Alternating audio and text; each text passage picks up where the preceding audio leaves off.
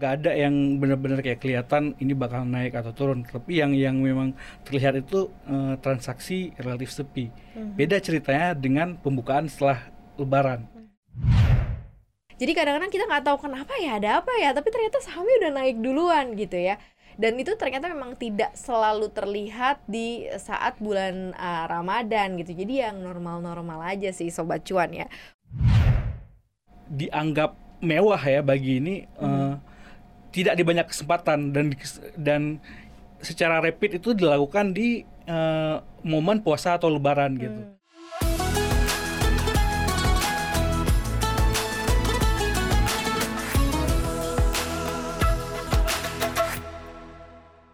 Assalamualaikum Sobat Cuan, apa kabar? Semoga selalu dalam kondisi sehat. Ketemu lagi kita di Sahur Saham Bulan Ramadan. Ini adalah cuap-cuap Ramadan Persembahan dari cuap-cuap cuan untuk menemani Sobat Cuan berpuasa selama bulan Ramadan untuk menjalani ibadahnya semoga makin mantap, berkah dan amanah. Amin. Seperti biasa selalu ada topik-topik yang akan lebih membuat sobat cuan melek khususnya terkait mengenai saham-saham investasi berbasis syariah. Nah, karena di bulan Ramadan Maria kasih pastinya bareng sama Mas Ferry di sini. Kita waktu itu kemarin udah ngobrolin soal masalah saham-saham syariah. Nah, sekarang kita pengen tahu dong saham-saham yang akan perform atau terbawa isu dan imbas di bulan Ramadan yang cukup mendatangkan cuan ya kan? Boleh dong saham cuan eh, saham yang mendatangkan cuan boleh dong ya kan? Apalagi cuan yang untuk bulan untuk bulan Ramadan plus Lebaran nih Mas Ferry. Sebenarnya kalau dari tren dulu deh kan perdagangan sepi bulan Ramadan. Tapi saham-saham yang based on atau orang sering bilang cyclical lah consumers gitu ya pasti katanya akan naik. Emang bener gitu? Emang trennya masih terbaca nih sampai sekarang Iya sebenarnya uh, kalau kita ngelihat tren ya pure historical, pure empirik gitu ya, yang benar-benar udah ada nih datanya. Sebenarnya uh, tren tersebut nggak ada gitu, nggak nggak ada yang kayak tren. Itu misal, kayak cocokologi doang gitu iya, ya? Iya lebih ke arah kayak cocokologi gitu, apa namanya orang apa berasumsi gitu. Mm. Uh, gara-gara bulan puasa uh, banyak orang yang uh, yang kayak minyak goreng jadi banyak gitu yang ini yang beli gitu. Mm. Terus kayak saham-saham mungkin saham-saham konsumer yang kayak terus kayak yang khususnya yang mm. yang yang uh, buat emiten sawit nih bakal naik nih. Yeah, ya. yeah, terus yeah, yeah. saham-saham yang konsumer yang apa namanya perdagangan gitu akan naik gitu gara-gara konsumsi masyarakat tinggi gitu. Sebenarnya nggak ada yang tren seperti itu yang yang benar-benar tren ya. Kalau kita ngelihat tren kan berarti yang kayak setiap uh, tahun atau mayoritas gitu kelihatan nih mengalami kenaikan gitu hmm. berapa banyak itu kecil atau besar pokoknya uh, adalah gambar kita bisa ngelihat hmm. narik tren lainnya gitu hmm. dan sebenarnya kalau buat selama bulan puasa nggak ada itu ini lebih ke arah apa ya tapi kalau dilihat dari sisi lever har leverage harga yang tadinya biasa terus kemudian jadi naik menjelang bulan Ramadan tuh emang selalu kayak gitu Mas Ferry. Makanya mungkin asumsi investor menganggap bahwa oh saham-saham yang dekat dengan konsumsi masyarakat kayak uh, sembako gitu yang jualan sembako atau makanan mie instan atau apa bakalan terkerek naik consumer karena memang konsumsi masyarakat jauh lebih tinggi kayaknya selama bulan Ramadan. Makanya asumsinya akan ada peningkatan penjualan yang memberikan nanti raportnya bagus sekali di kemudian hari gitu ya minimal untuk di uh, kuartal satu gitu. Ya nggak sih Mas Ferry? Dari sesimpel itu mungkin tren tidak menjawab begitu tapi ini pemikirannya investor secara dasar aja atau basic aja sih. Iya benar juga sebenarnya itu. Tapi uh, ini juga nggak nggak true for all juga ya. Ada beberapa sektor yang memang benar gitu. Yang paling benar itu adalah ya, yang consumer non primer gitu. Khususnya lagi itu saham-saham retail gitu. Nah, yang saham-saham ini memang benar ya kelihatan uh, bahwa bulan puasa dan bulan Ramadan itu menjadi rekor pendapatan mereka secara bulanan. Jadi misalnya hmm. kayak apa namanya, mereka tuh paling banyak tuh dalam setahun tuh dapat uangnya tuh dari ini sebenarnya gitu, dari uh, momen puasa dan Lebaran gitu.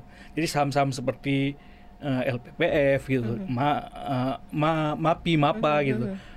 Uh, di di di sini gitu, memang mereka apa namanya paling profitable secara operasional bisnis gitu. Hmm. Tapi kan balik lagi kalau kita ngomong saham sebenarnya nggak ada korelasi yang positif itu. Jadi hmm, emang hmm, hmm, hmm. yang yang apa yang sebenarnya pas terjadi selama bulan puasa itu transaksi di bursa itu relatif sepi, sepi dibandingkan dengan eh, tahun-tahun sebelumnya dan trennya itu setelah lebaran beberapa hari sebel, beberapa hari setelah lebaran itu saham itu eh, mayoritas tuh dibukanya melemah gitu. Mhm. Jadi orang-orang yang udah sepi di di bulan puasa terus Mhm. habis itu tutup selama lebaran dan libur relatif panjang gitu dan pas setelah lebaran awal-awal tuh ya, lima hari awal memang benar-benar sangat sepi dan eh, mayoritas ditutup merah begitu Apalagi lebaran sekarang liburnya lumayanan panjang nih ya Iya. cuti bersamanya ya. Berarti makin banyak hari libur bursa sebenarnya ketika kita tidak melakukan uh, transaksi. Itu kan kalau secara cerminan di harga sahamnya.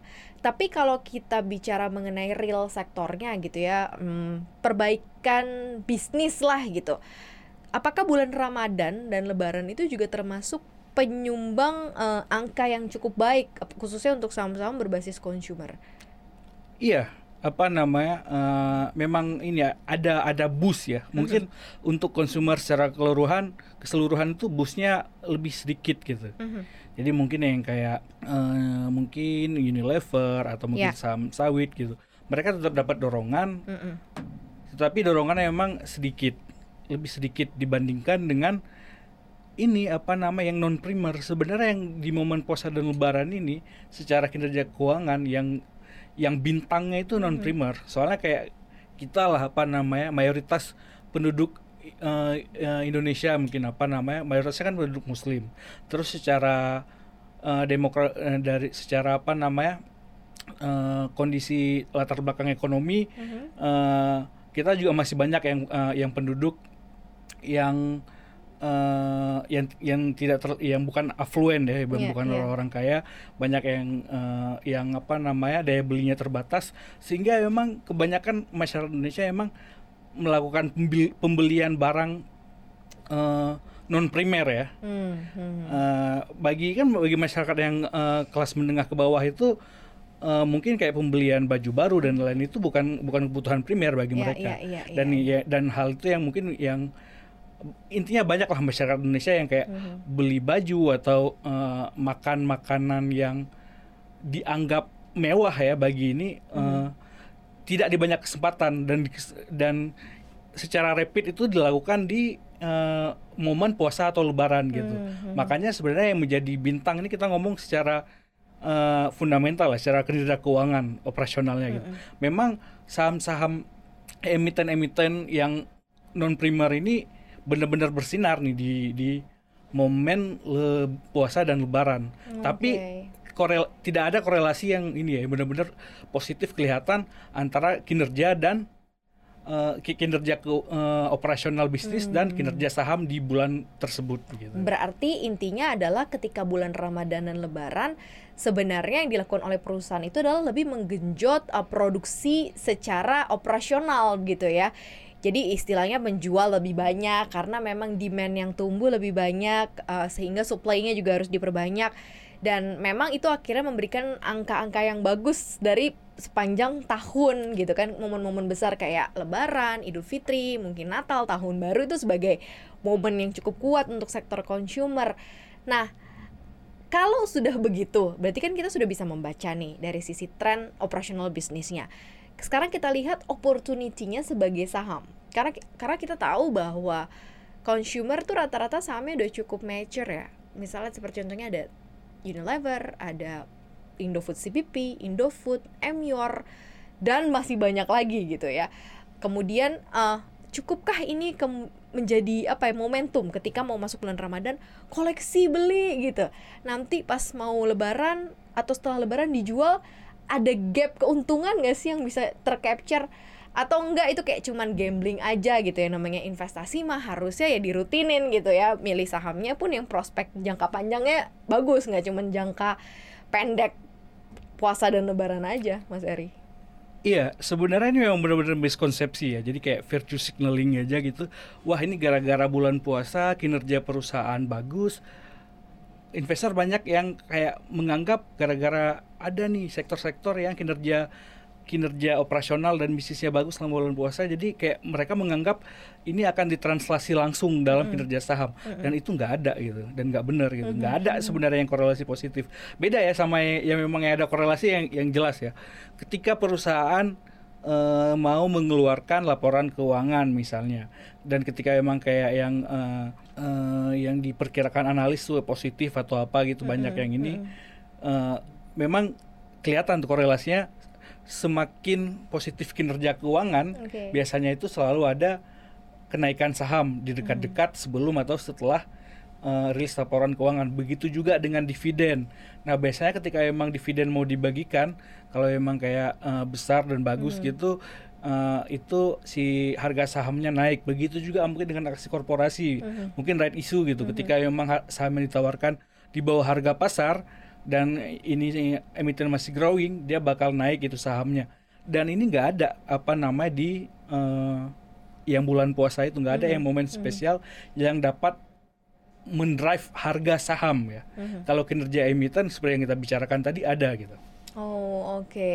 Dan kalau dilihat dari sisi tren tahun lalu dan tahun sekarang saham-saham part consumer good khususnya yang biasa menjadi star gitu cukup bersinar nggak sih mas atau nggak biasa aja gitu? Nggak biasa aja. Jadi biasa ya jadi nggak bisa soalnya memang patternnya nggak ada gitu jadi kita aja kayak ngerasa kalau wah ini kayak gini padahal kalau emang kayak dilihat gitu mm -mm. mungkin ada yang kayak apa nama tahun lalu yang apa namanya saham konsumer selama mm -mm. bulan puasa mm -mm. naik mm -mm. gitu tapi kan itu kita nggak bisa menyebut pattern dari satu kejadian dong yeah, yeah, bahkan yeah, dua yeah, kejadian yeah, juga iya, nggak bisa kita mm -hmm. apa namanya sebut pattern bisa jadi itu sebuah apa namanya mm-hmm. ketidaksengajaan gitu.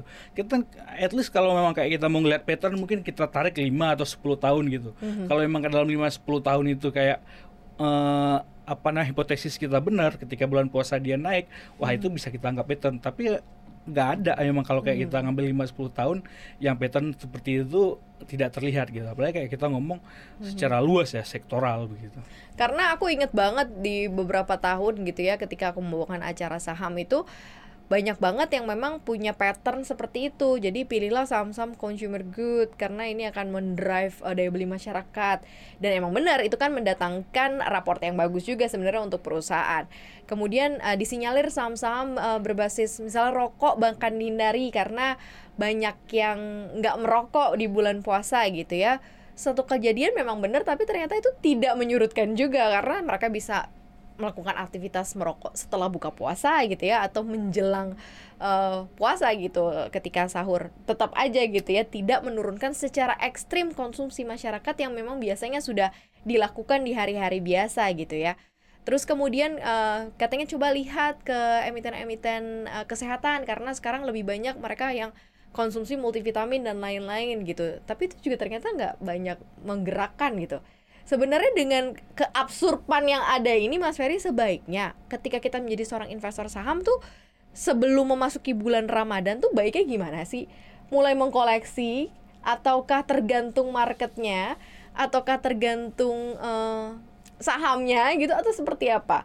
Lebih baik memulai menambah koleksi saham menjelang Ramadan nanti mungkin ada beberapa yang berhasil uh, menuju ke targetnya setelah Ramadan atau after that atau lebih baik ya udah normal aja lah gitu mungkin malahan daripada jadi greedy mendingan nggak usah terlalu aktif bertransaksi. Ya sebenarnya yang paling bagus ya normal aja. Gitu. Normal aja ya. Apa namanya? Karena memang ya normal lihat fundamental ya teknikal gitu kayak perdagangan normal ya. Seperti yang dibilang tadi karena memang nggak ada korelasi gitu. Hmm. Beda ya kalau memang yang kayak ada korelasi sebenarnya kan pasar atau saham mm -hmm. ini mm -hmm. ini apa digerakkan oleh uh, sentimen dan kinerja mm -hmm. gitu nggak ada yang benar-benar yang ini nggak ada nggak nggak ada apa ya nggak ada translasi angka langsung gitu mm -hmm. biasanya kalau yang misalnya kayak uh, laporan tahunan lapor eh laporan kinerja keuangan itu ada angkanya kayak kelihatan mm -hmm. ini bakal mm -hmm. naik atau turun gitu dividen ini bakal dibagikan atau enggak ini mm -hmm. besar atau kecil mm -hmm. gitu uh, uh, right issue gitu penambahan modal atau uh, perusahaan akan membangun pabrik baru gitu atau mm-hmm. dan lain-lain gitu ini ada semua ya apa namanya kejadian yang ada gitu kita kan nggak ada apa namanya ketika bulan puasa ada uh, yang di keterbukaan informasi gitu hmm. apa namanya fakta material gara-gara bulan puasa kan nggak ada gitu. Karena suka kayak gini misalnya bulan puasa uh, konsumsi naik gitu kan pembelanjaan barang-barang pokok misalnya akan bertambah. Terus pembelanjaan barang-barang konsumtif juga lebih tinggi. Makanya kadang-kadang orang mikir coba cek saham-saham otomotif. Biasanya pada beli motor pas mau buka apa pas mau uh, pulang kampung gitu kan terus ada juga yang beli gadget baru gitu jadi makanya barang-barang yang konsumtif itu juga menjadi perhatian makanya lumayan general uh, generalnya lumayan besar gitu ya lumayan lebar uh, kemungkinan saham-saham yang akan naik di bulan Ramadan tapi ternyata tidak memunculkan korelasi itu Enggak, gitu ya. ya. Jadi kita ngomong gini aja ya. Mungkin gitu. Kita anggap ada 12 bulan gitu. Mungkin uh, selama bulan puasa atau lebaran anggap satu setengah bulan gitu. Satu setengah bulan ini kita ngomong ini aja ya. Uh, mungkin di saham-saham yang berapa sektor yang kayak elektronik kah, apa non primer kah, mungkin selama satu setengah bulan di Windows satu setengah bulan itu uh, terjadi kenaikan ya, mm -hmm. kenaikan uh, dibandingkan dengan bulan-bulan selain bulan tersebut. Mm-hmm. Tapi kan kenaikan uh, yang sebenarnya kinerja itu kan masih ada luas tuh, ada 10 bulan setengah yeah, yang yeah, lain yeah, gitu. Yeah. Ya, yang bakal mendikte kinerja keuangannya gitu. Mm-hmm. Dan kinerja kinerja saham-saham tersebut kan memang dipengaruhi oleh kondisi ekonomi gitu.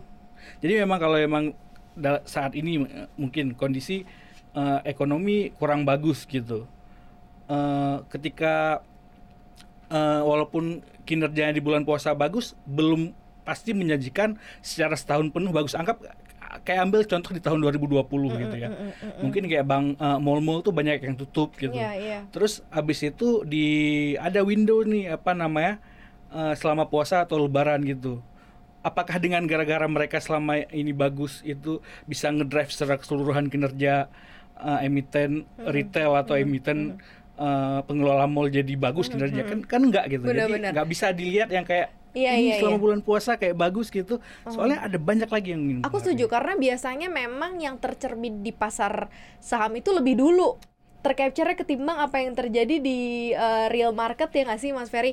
Jadi kadang-kadang kita nggak tahu kenapa ya ada apa ya, tapi ternyata sahamnya udah naik duluan gitu ya dan itu ternyata memang tidak selalu terlihat di saat bulan uh, Ramadan gitu. Jadi yang normal-normal aja sih sobat cuan ya untuk bisa mengisi bulan Ramadan ini.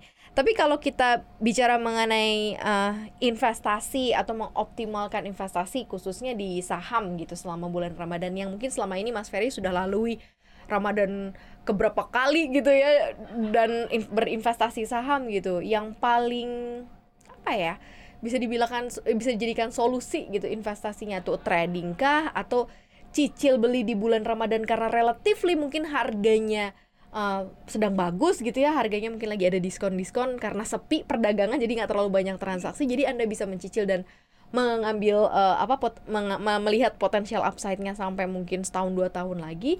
Itu adalah pilihan yang baik atau mungkin trading harian juga peluangnya besar kalau menurut Mas Ferry.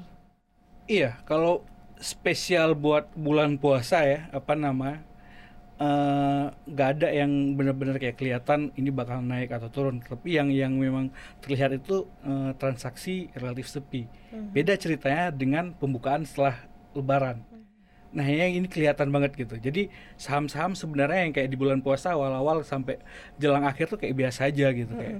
Cuman yang jelang akhir itu bener-bener kayak beberapa hari sebelum lebaran tuh biasanya HSG itu merah gitu. Oke. Okay. Karena emang orang-orang pada ini ya, udah pada, tarik cash pada semua. narik cash semua gitu. oh, udah cukup ini kayak apa mau dipakai buat THR kah, mm -hmm. mau pakai buat liburan, terserah orang-orang mm -hmm. gitu ya dan itu sebenarnya ada ini apa namanya potensi mungkin di sana ya. Kalau emang kayak potensi untuk masuk karena sahamnya buat masuk turun ya buat masuk. kalau kan? emang ada uh, apa namanya dompet yang tebel uang berlebih ya nggak apa-apa nggak masalah gitu.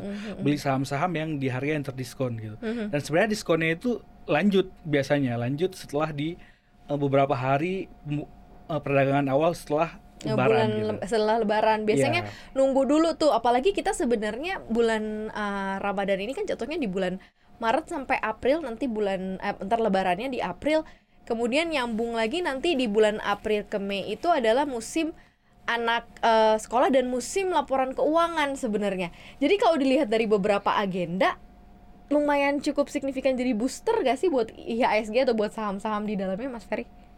Iya, sebenarnya uh, bisa sih apa namanya buat jadi booster gitu. Tapi yang uh, seperti dibilang tadi ini nggak nggak bisa dijadikan acuan gitu ya buat jangan sampai yang uh, salah kaprah sendiri gitu mm. kayak menganggap uh, wah karena bulan Ramadan ini saham-saham ini uh, naik gitu sebenarnya yeah, nggak yeah, itu yeah. aja sih benar-benar kayak ini lebih ke arah sinyal aja gitu yeah, kayak yeah, apa yeah. namanya orang kalau mau nangkap sinyalnya gitu mungkin ya apa namanya kayak ini ini uh, misalnya kita tahu pertumbuhan ekonomi Indonesia masih positif tahun ini. Terus habis itu uh, Sri Mulyani kan ngomong juga gitu dari uh, kondisi ekonomi kita. Terus kita bisa juga kayak ngelihat wah selama bulan uh, puasa atau lebaran ini ternyata uh, rame nih orang-orang apa nama jalan ke mall. Terus kayak pengeluaran orang uh, makin tinggi Iya, nih. iya, nah, iya. itu bisa diang- dijadiin kayak sinyal aja gitu. Wah, ini kemungkinan eh, saham saham yang ini bisa mengalami kenaikan nih dari eh, kinerja operasi yang lebih bagus.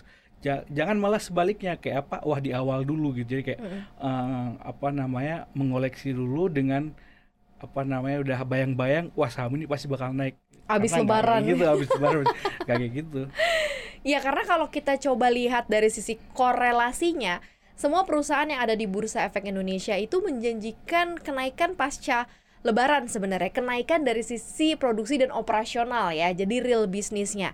Tapi kalau harga sahamnya kita nggak tahu, karena kalau kita lihat dari yang paling uh, signifikan aja, misalnya nih pertumbuhan kredit pasti dianggap akan lebih uh, masif gitu ya menjelang bulan uh, menjelang Lebaran gitu, banyak orang yang kemudian mengajukan kredit untuk beberapa barang-barang konsumtif makanya tingkat kredit tinggi dan ini bagus untuk perbankan. Kemudian untuk uh, saham-saham part dari consumers dengan tingkat konsumsi masyarakat yang jauh lebih tinggi, harga-harga juga relatifly sudah naik dan tidak ada uh, istilahnya ya ini adalah konsekuensi ya kenaikan harga dan kebutuhan yang tetap dibeli oleh masyarakat ya selain meningkatkan inflasi sekaligus meningkatkan opportunity kenaikan dari uh, income-nya perusahaan gitu ya di produksi ya. Kemudian side effect lainnya apa tadi yang aku bilang? Barang-barang konsumtif, kemudian barang-barang non primer kayak pembelanjaan baju yang tiba-tiba orang pada beli baju semua di bulan ini gitu kan. Orang yang tiba-tiba mau pulang kampung ganti gadget baru, butuh kendaraan bermotor untuk pulang kampung. Kemudian sektor konstruksi jalan tol yang kemudian ramai dipadati oleh para pemudik. Nah, itu kan juga sebenarnya adalah momentum gitu ya mas. Tapi kita nggak bisa menganggap bahwa kemudian investor mengadjust itu sebagai pertumbuhan signifikan sehingga harus beli sahamnya gitu. Iya, nggak ke situ ya. Nggak ke situ. nah yang menarik sebenarnya sekarang kan kita kedatangan uh, beberapa part saham e-commerce. Nah ini gimana? Apakah ini juga termasuk uh, bisa nggak kita cari peluang di e-commerce? Karena I'm sure pasti banyak banget sobat cuan yang menggunakan akses belanjanya di um, saham-saham e-commerce. Kita ada Goto, kita punya Buka, kita punya Blibli.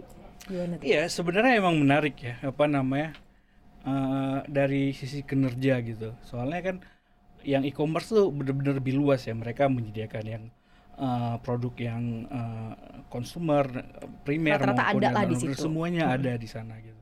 Tapi balik lagi emang bener-bener harus di ini apa namanya eh, harus disaring gitu. Kalau memang kayak kita ngomong e-commerce, kita ngelihat dari bisnis secara keseluruhan gitu. Apakah eh, perusahaan ini bakal menunjukkan growth gitu dari sisi pendapatan dan kalau growth seberapa besar gitu. Habis itu dari bottom line-nya juga harus dilihat gitu. Soalnya ini juga maksudnya ketika ada spike spike penjualan ya, spike penjualan selama bulan puasa bel- tidak berarti menja- menjadi gambaran dalam keseluruhan secara tahunan gitu. Bisa bisa jadi memang di bulan Ramadan bulan puasa ini ada kenaikan. Tapi bisa jadi ketika dijadikan setahun penuh itu eh, laba bersihnya malah turun. Itu Iya, iya, bisa iya. banget gitu. Iya, iya. apalagi misalnya saat ini ya saat ini kan inflasi kita masih di atas target gitu ya. Eh, yang terbaru yang bulan lalu itu yang eh, year on year-nya malah eh, mengalami peningkatan gitu seperti kita tahu kalau memang inflasi tinggi itu bakal menggerus daya beli masyarakat Oke. Nah kita nggak tahu seberapa besar ini ya. Apakah mungkin inflasi tiba-tiba bakal naik lebih tinggi lagi atau selam- ternyata mungkin selama bulan puasa eh, inflasi eh, malah memang sebenarnya selama bulan puasa itu secara historis ya inflasi itu naik. Pasti, pasti naik. Pasti naik gitu. Karena konsumsinya naik, harga barang-barangnya juga naik. Ya kan? sekarang kan misalnya inflasi kita udah, udah di masih di angka di Iya. atas 5% gitu. Nggak tahu mungkin kayak kenaikannya mungkin lebih signifikan sehingga Iya, iya, benar-benar iya. menekan daya beli masyarakat gitu. Betul, betul, jadi betul. value uangnya jadi berkurang gitu. Iya, iya, dan iya. dan ketika daya beli masyarakat turun kan eh, si emiten-emiten retail ini walaupun ada spike di sisi penjualan kan tetap ini lebih kecil gitu Betul, secara betul, ini. ya. betul, Itu betul. harus di- diperhatikan juga apalagi ya permasalahan ini apa yang seperti dibicar diomongin sama Jokowi yang kayak eh, kita rajin menabung masyarakatnya eh, nggak mau mengeluarkan uang tuh jadi ini apa Iya, iya. namanya? Itu itu sebenarnya efek dari inflasi sih. Karena Iya. inflasi yang tinggi makanya jumlah oh, tabungan juga meningkat karena orang lebih pilih saving ketimbang spending gitu loh Pak Jokowi ya.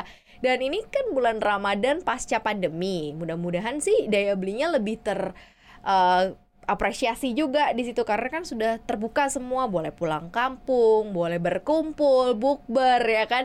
Jadi ya kurang lebih akan cukup banyak lah belanja masyarakat ya. Tapi ya kalau kita tarik lagi mengenai cocokologi, apakah ada saham yang secara signifikan naik setelah bulan Ramadan secara eks- eksplisit dan historical tidak pernah ada data yang mengungkapkan seperti itu. Tapi memang momentum untuk membeli saham-saham yang relatively diskon karena banyak aksi para investor keluar dari market untuk tarik cash gitu ya. Ini mungkin momentum buat kita mengkoleksi tapi untuk jangka waktu menengah dan juga panjang gitu ya Mas Ferry Iya. ada triknya sebenarnya. Jadi tetap oke, tetap asik sebenarnya untuk investasi di pasar modal. Terima kasih Sobat Cuan udah dengerin saham bulan Ramadan sahur hari ini. Mudah-mudahan puasanya akan tambah berkah dan penuh amanah setelah dengar banyak insight dari kita. Dengerin terus podcast Cuap-Cuap Ramadan selama bulan Ramadan persembahan dari Cuap-Cuap Cuan dan CNBC Indonesia. Akhirnya Maria Katarina pamit dan juga Mas Ferry pamit. Wassalamualaikum warahmatullahi wabarakatuh. Sampai jumpa.